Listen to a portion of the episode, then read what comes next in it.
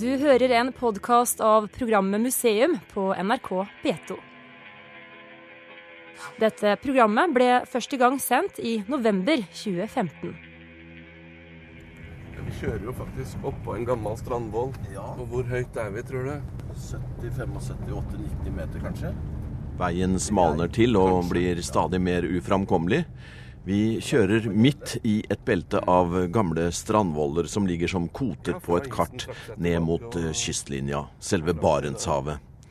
Frans eh, Arne Stylegard, direktør ved Varanger museum, vil vise meg Norges østligste punkt på fastlandet. Det er Kiberneset med tilhørende Kiberneset fort, som tyskerne bygde under annen verdenskrig. Det er stille på havet, og de spredte bygene østover mot eh, Fiskerhalvøya i Russland skaper mørke kontraster mot felter av solsølv på havoverflaten. Det er den blomstrende handelen som en gang var mellom Norge og Russland, og det russerfisket som ble drevet på Finnmarkskysten museum skal handle om i dag. Og ligger igjen. Ja. Og gå i de tyske bunkerne og Nei. Vi er ikke helt på det østligste punktet enda. Nei. Nei. Du ser lukta, det. Der, ja. Men nå ser vi over Det er Varangerfjorden. Der har vi fjorden. Ytterste delen mot Kirkenes, og, og, og Russland skal ligge der borte.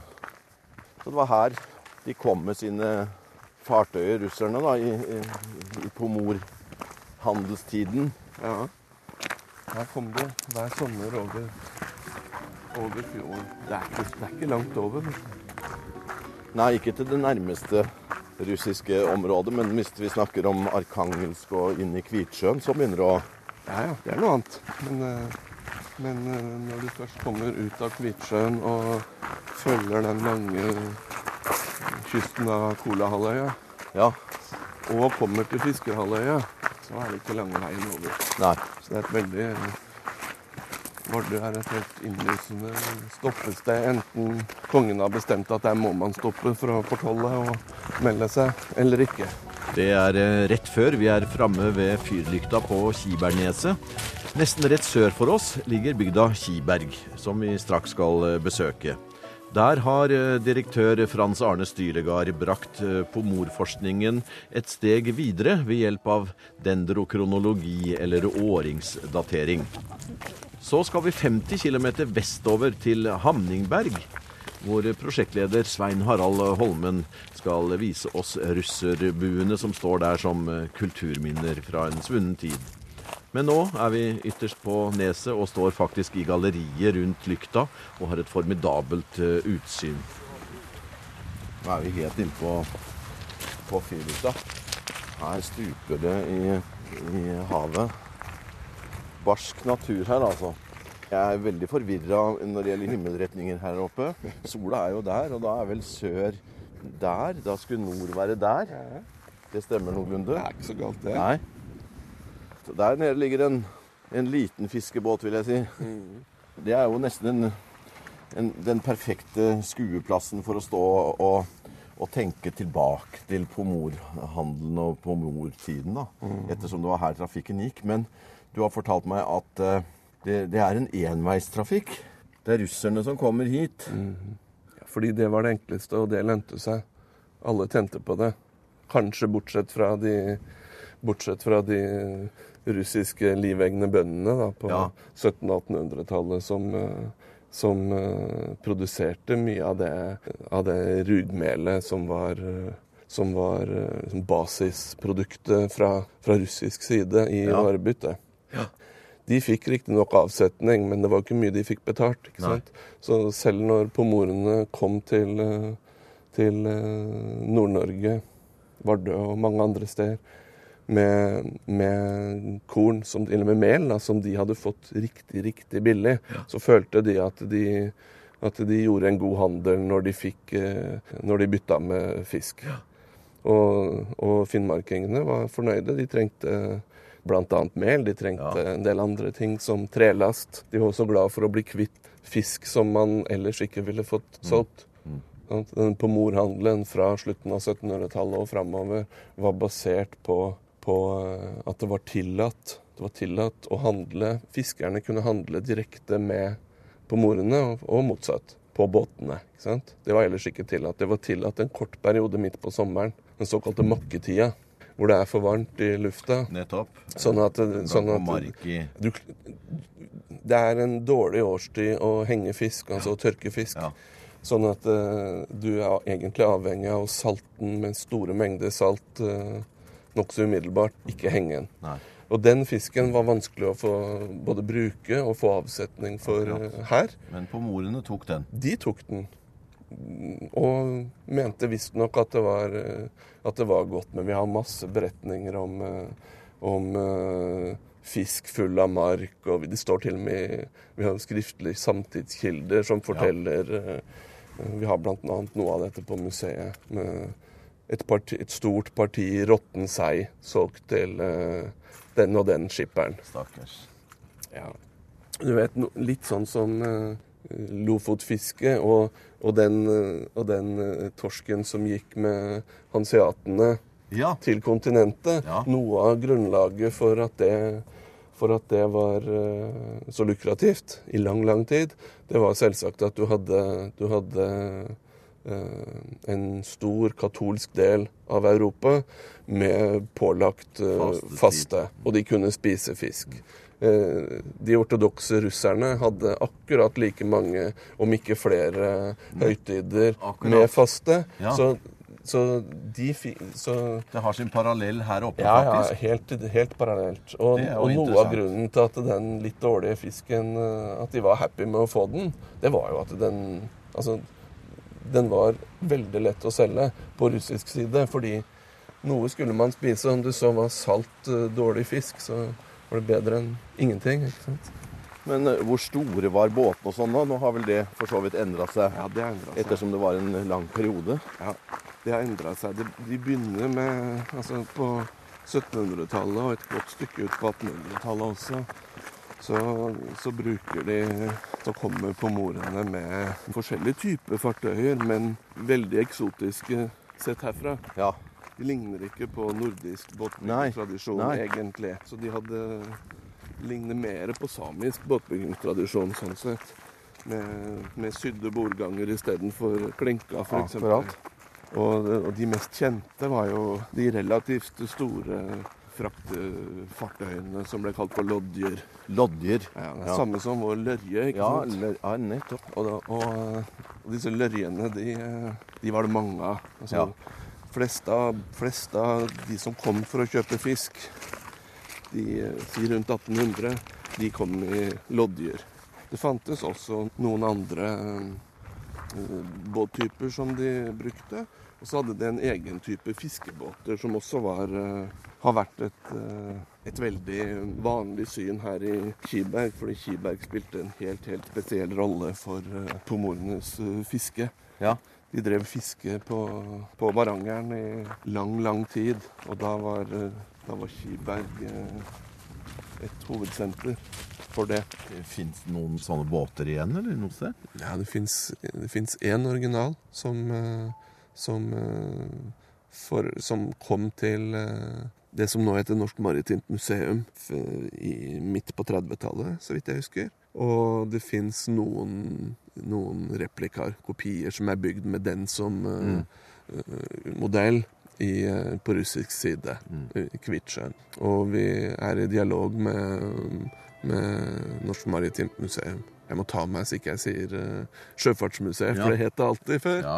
Men Norsk Maritimt Museum og Varangermuseum er i dialog om, uh, om uh, ut, langtidsutlån av den båten, for vi vil ha, gjerne ha den i, Mm. her i Varanger, der den kom fra. Ikke sant? Det vil jo bli et klenodium i så fall for oss. Det er hustrig her eh, ytterst på landets eh, østligste nes, og det er på tide å komme seg til Kiberg. Direktør Frans Arne Stylegard ved Varanger museum kjører den ytre kystveien, nesten ikke noen allfarvei dette, og Kiberg åpenbarer seg brått eh, der nede under oss. Denne bygda har vært et vindu mot Russland i flere henseender, også utenom pomorhandelen. Da har vi kommet fra det østligste punktet og kjørt opp langs langs havet her. Og nå har vi stupt ned i Eller nå, nå ser vi rett ned i, i Kiberg. Ja. Jeg tror vi skulle være innmari forsiktig med å stupe ned her. Ja, det tror jeg. Ja, men nå ser vi ned i Kiberget. Flott. Veldig. Med en kraftig moloarm eh, på den ene siden, en mm. litt mer forsiktig på den andre, og en fantastisk strand. Dette er et viktig sted med henblikk på hva dette programmet handler om. Ja, dette er et viktig sted for uh, Av mange grunner.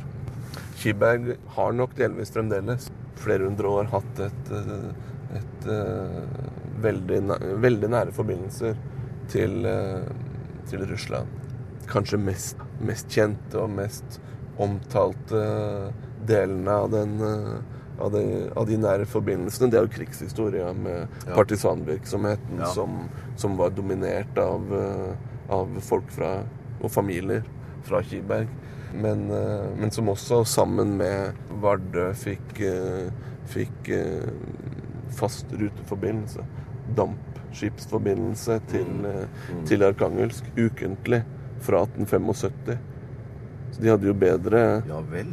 Ja, så de hadde jo bedre altså, På sett og vis så hadde man bedre kommunikasjon her, i, i hvert fall på sjøen, i, for snart 150 år siden enn det man har nå. ikke sant? Nå er det ingen rutebåter i Øst-Finnmark. Vi har riktignok et annet veisystem. Så dampbåt til Arkangelsk? Ja.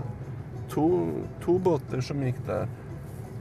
Lomonosov og Imperator Nikolai. To store dampskip som gikk i fast rute. Nå har vi passert eh, gjennom eh, Kiberg og er nå i Indre Kiberg. En, eh, en eh, lita bygd som ligger eh, sør for, for Kiberg. Mm.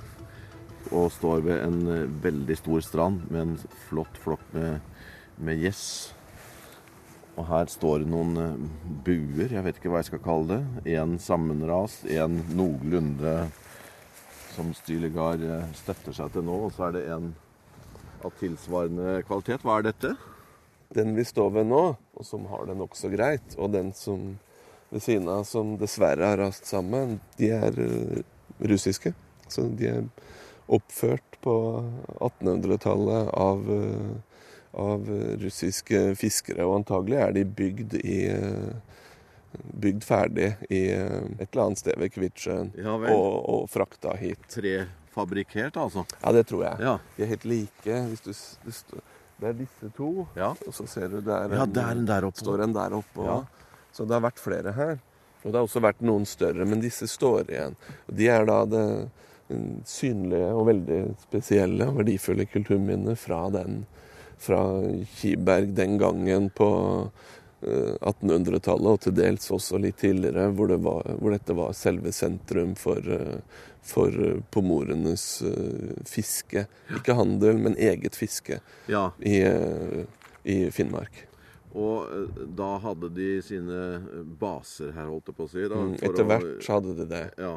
Det var en overenskomst mellom Danmark, Norge og Russland som sa at, at folk fra Kvitsjøen fikk lov å drive fiske, men utafor ei sjømil.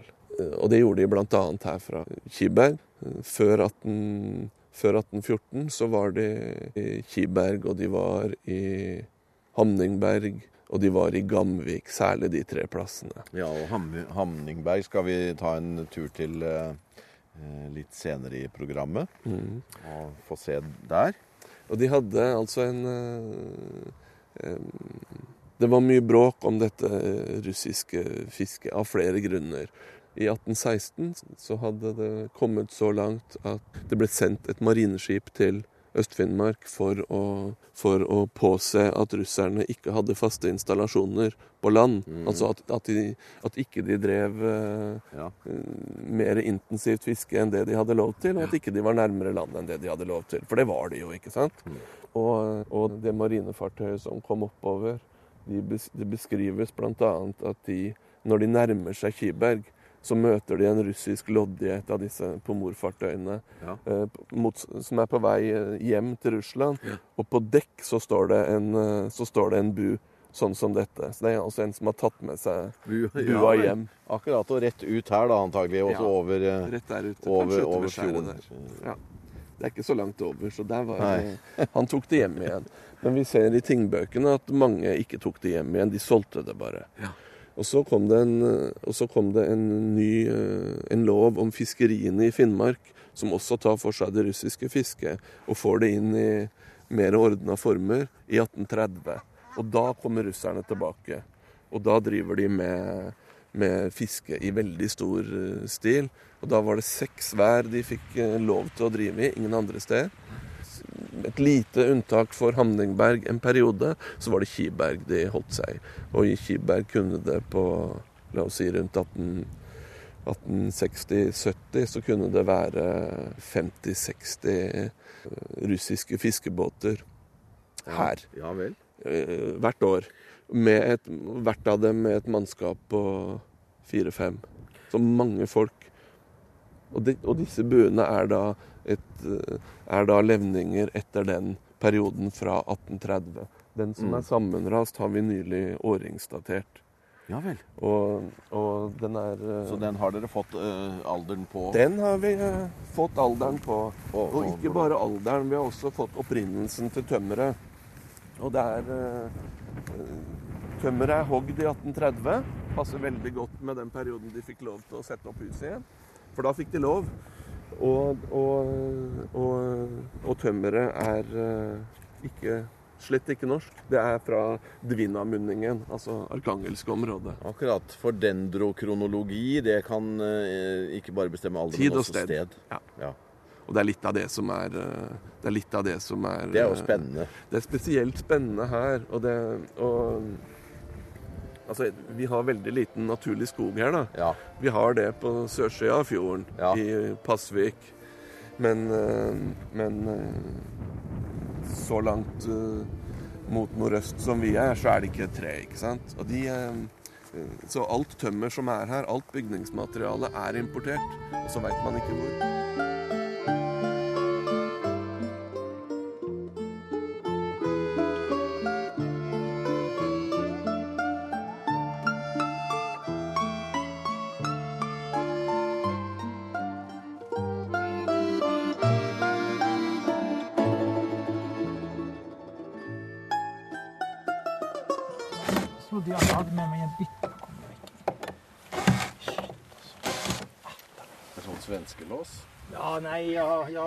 Jag trodde ju att jag hade ju...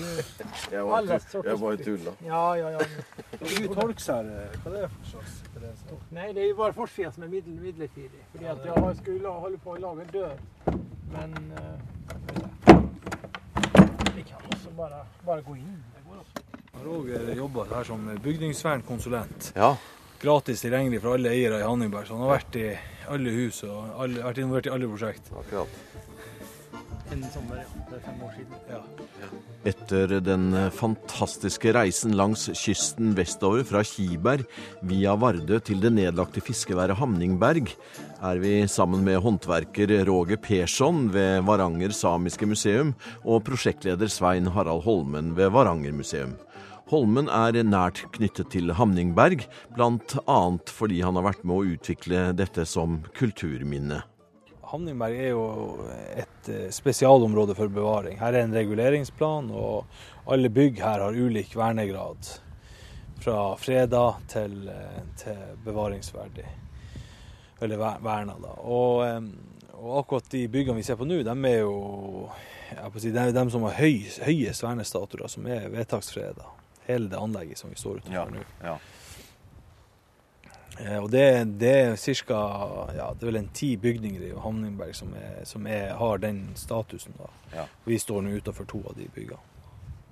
Og så er det litt gitt retningslinjer for eh, resten for eventuelle restaureringer. Ja, ja, ja, det er, det er jo si, Alle byggene her er da regulert etter eh, lovbestemmelser om hva du får lov å gjøre, og hva du ikke får lov å gjøre. Og det, det er jo med på en måte å sette, sette noen grenser da, for, for hva man får lov til. Du kan jo kort også ta uh, den dramatiske historien som Hamningberg på en måte har vært i, igjennom. Da tenker jeg på uh, tilbake som et levende fiskevær. Uh, med mange familier som eh, bodde her. Og, og hva skjedde så? Ja, altså det som, det som, skjedde, det var jo her at ja, i 1964 så ble jo plassen fraflytta. Man fikk eh, det som kaltes for bidrag fra staten for å, for å flytte herifra. Og, og, grunnen til det, det var at man hadde bestemt å ikke bygge ut eh, moloanlegget som var planlagt her. Ja, og Som egentlig var lovt? Ja, det var, det var lovt, og det var vedtatt i statsbudsjettet. og... Eh, og man hadde i mange mange år kommet opp her hvert år da, med de her lovnadene, og man, man venta på å sette i gang prosjektet.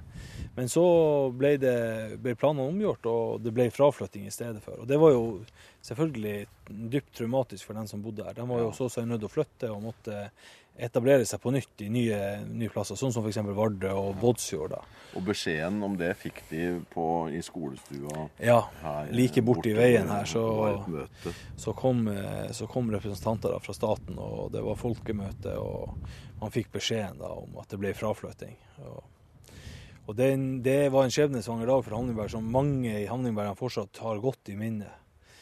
Og Det har jo også gjort at det her med verning av bygninger ikke akkurat det har vært til stor jubel. Folk har jo opplevd det som eh, nok en eh, begrensning eller nok et, eh, en, et inngrep fra myndighetenes side. Men eh, vi har jo jobba i mange år med restaureringsprosjekt her og fått mange vellykka resultater. Og, og, gradvis har man jo fått det her til å virke, men det har ikke bare vært enkelt. Den her øverste bua er åpen. Holmen eh, viser oss inn i en av de karakteristiske og vakre russerbuene i Hamningberg. Museumsdirektør Stylegard ønsker også å tids- og stedsbestemme tømmeret i disse bygningene. I det hele tatt, det er mye å grave i for å få historien om russisk handel og vandel i Norge bedre fram. I et senere program skal vi ta et dykk i kjøpmannshuset Brottkorps sine regnskapsbøker, og vi skal høre om utgåtte russiske Kopek som blir handelsmynt i Finnmark. Men hva med russiske kilder? I disse pomorlandsbyene rundt, rundt Kvitsjøen, eh, som det var mange, mange av når vi var i Kiberg, så, og så disse russiske minnene, da, så var, ja. så var mange, av de, mange, av de, som var der, var fra Kem f.eks. De var avhengig av uh, å vite noe om hvor de skulle og hvordan de skulle komme dit. Mm. Og det kunne, det kunne overføres muntlig. Mm. Men det er også en god del eksempler, og mange er nok tapt. Andre har kanskje ikke kommet for dagen ennå på, på, at man holdt seg med håndskrevne seilingsbeskrivelser, farvannsbeskrivelser, på russisk. Mm. Og jeg veit om fire, i hvert fall, forskjellige. Eh, og de eldste går tilbake til kanskje midt på 1700-tallet. Og de, og de, beskriver eh, De forklarer ganske enkelt hvordan man skal komme fra, ja, fra sin egen landsby. Da. Enten det er Kem eller uh, Sumski Posad eller uh, ja, eller mange av de, eller hvilke som helst av de svært mange andre, eh, forklarer hvordan man skal komme seg dit, hvordan man eh, forholder seg til uh, Murmankysten, Eh, hvor og hvordan man eh, krysser eh, havet når man kommer til Fiskerhalvøya, hvordan man kommer til Vardø, og, og hvor man kan gå videre fra Vardø.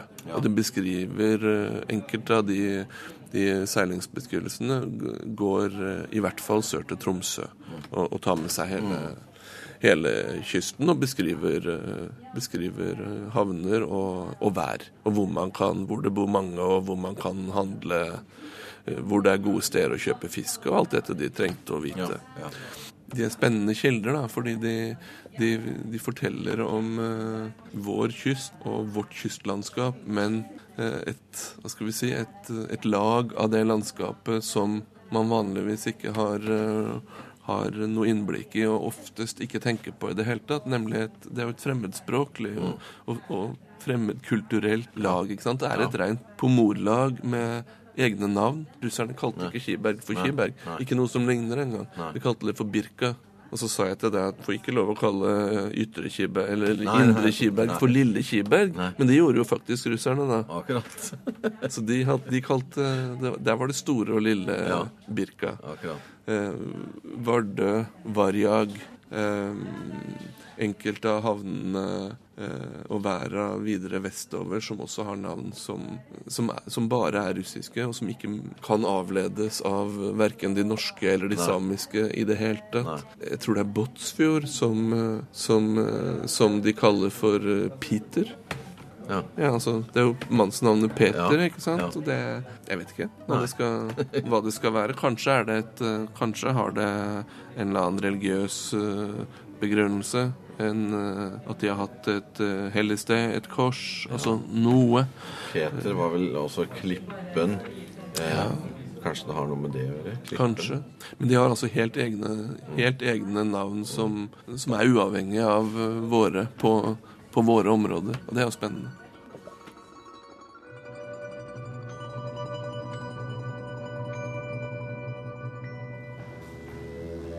Du har nå hørt en podkast av programmet Museum fra NRK P2.